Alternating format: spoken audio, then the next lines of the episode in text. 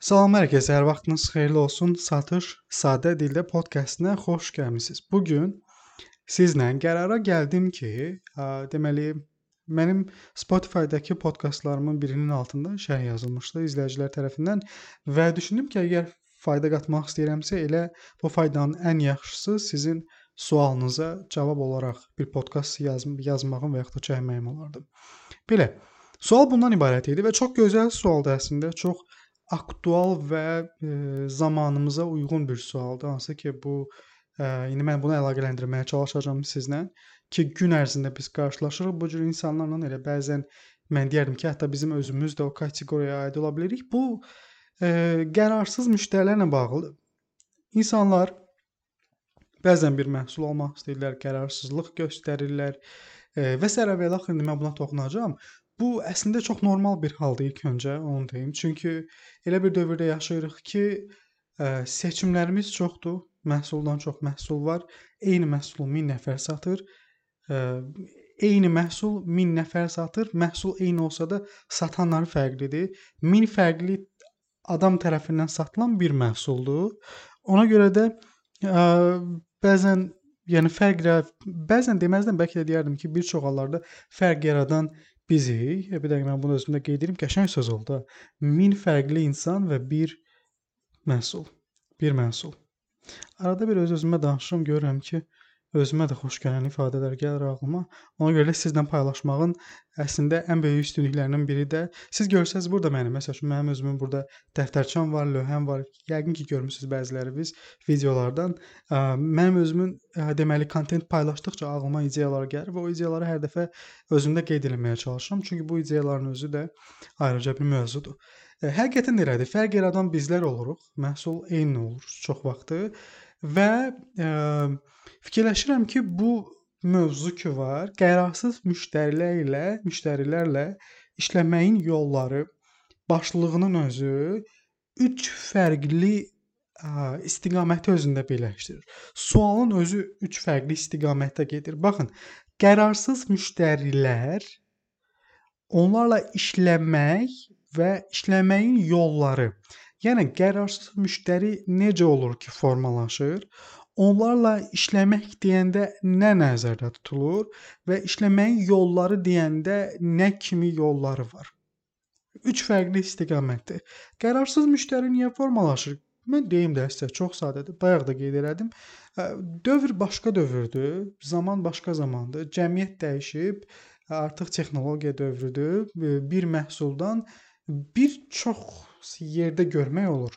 Elədimi? Məsəl üçün satış kursları en qədərdir. Proqramlaşdırma kursları en qədərdir. SMM kursları.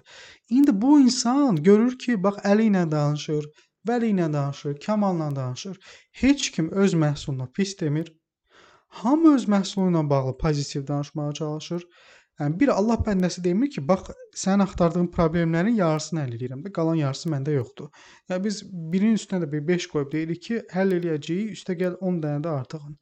Və bunu hamımız eləyirik deyə. Müştəri çaşbaş qalır ki, mən kimdən alam ilahi? Yəni hamımızı elə bil ki, peyğəmbər övladıdır, hamımızı özünü tərifləyir, bunlardan yoxdur. Və mən nə etməliyəm? Pulumu kimə investisiya edeyim, belə deyək. O da beyində olan bir sualdır. Və bu insanlar qərarsız insanlardır. Yəni bilmir kimdən alsın. Bəzən də qərarsız müştəri olur, bilmir konkret nə alsın. Elədir. Bəzən proqramlaşdırma kursu ilə maraqlanır, bilmir Python-a qoşulsun, bilmir, bilmir ki, back-end-ə qoşulsun, bilmir Java-ya qoşulsun, hər nədirsə. Adam bilmir konkret nə istəyir.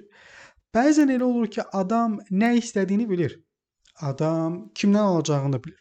Sadəcə adam nə zaman alacağını bilmir. Elədir? Və O adam da əslində özünə görə haqlıdır. Əlində büdcəsi olmaya bilər və yaxud da büdcəsi ola bilər, sadəcə olaraq götür-qoy eləmək istəyir, götür-qoy eləmək istədiyi insan ölkədə deyil, uzaqlarda bir diyardadır və onun gəlməyini gözləyir. İlahi bu satış sizlə danışa-danışa canlandırıram beynimdə. Satış o qədər dərindir ki, baxın, qərarsız müştəri ola bilər, məhsulla bağlı qərarsızdır və yaxud da alacağı tərəflə bağlı qərarsızdır və yaxud da deyək ki, zamanlama ilə bağlı qərarsızdır. Üstə gəlsin qiymətlə bağlı da qərarsızlıq ola bilər, mümkündür. Elədir? Və işləməyin yolları. İşləmək deyəndə nə nəzərdə tutulur? Ümumiyyətlə e, bu işləmək məsələsi ilə bağlı e, xaricdə var idi, sonra Azərbaycana gətirdilər onu bir Azərbaycanlı təlimçinin e, deməli içəriklərinin birində görmüşdüm. O ingilislərdə ABC satışın ABC'si deyilən bir ifadə var. Yəni always be closing. Həmişə ə, yəni satışı bağlı, bağlayan ol da. Yəni görüşdün, bağlayan tərəf ol həmişə. Bu anlayış, bu təfəkkür bu dövrümüz üçün çox yanlış bir təfəkkürdür. Çünki indi artıq müştərilərə təzyiq göstərmək mümkün deyil. Çünki Kamaldan başqa 125 dənə satış təlimi satan başqa təlimçilər var. Yəni Kamal çox nazqoz eləsə, deyəcəklər ki, Kamal ə, e, Kamal səndən almıram, gedib Vəlidən alacağam. Belə də ki. Ona görə də artıq o always be closing məsələsi keçib, indi olub always be caring. Yəni həmişə qayğı göstərən tərəf olmaqda fayda var. İnsanlarla danışdığımız zaman, insanlarla münasibət qurduğumuz zaman maksimum və maksimum neytral olmalıyıq işimizdə. Neytral olmalı. Yəni ki, adama yeri gələndə demək lazımdır ki, çox sağ olun gəlmisiniz, minnətdaram sizə. E, yəni siz bu gün bura gəlmisiniz, Çox gözəl. Bu o demək deyil ki, mütləq bizdən almalısınız, amma ki, ən azından gəlmisiniz və mən çox istəyərdim ki, sizə məhsulla bağlı müəyyən bir məlumat verim.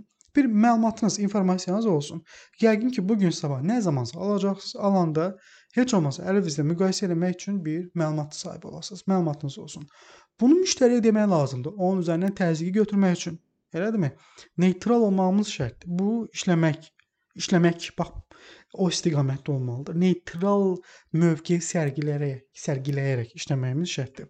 Üçüncü məsələ də yolları. Hə, bax, qərarsız müştərini başa düşdük. İşləməyi də başa düşdük. Hansı yollar ola bilər? Qərarsız müştəri müştərilərlə işləməyin yolları ə, e, mənim ağlıma hal-hazırda bir yol gəlir və düşünürəm ki, bu ən effektiv yoldur. İnsanlarla e, insanlara hörmətlə yanaşmaq, insanlarla neytral olmaq və onları rahatlatmaq lazımdır. Bu heç. Və bunu həll etmək yollarından biri onları follow-up atmaqdır. Yəni ki, adam bu gün gəldi mənim ağzıma. Adam bu gün satış təlimi ilə maraqlandı. Bu o deməkdir ki, bu adamın ə, e, yəni almağa meylliyi var, niyyəti var. Ya bu adamın almağa niyyəti var.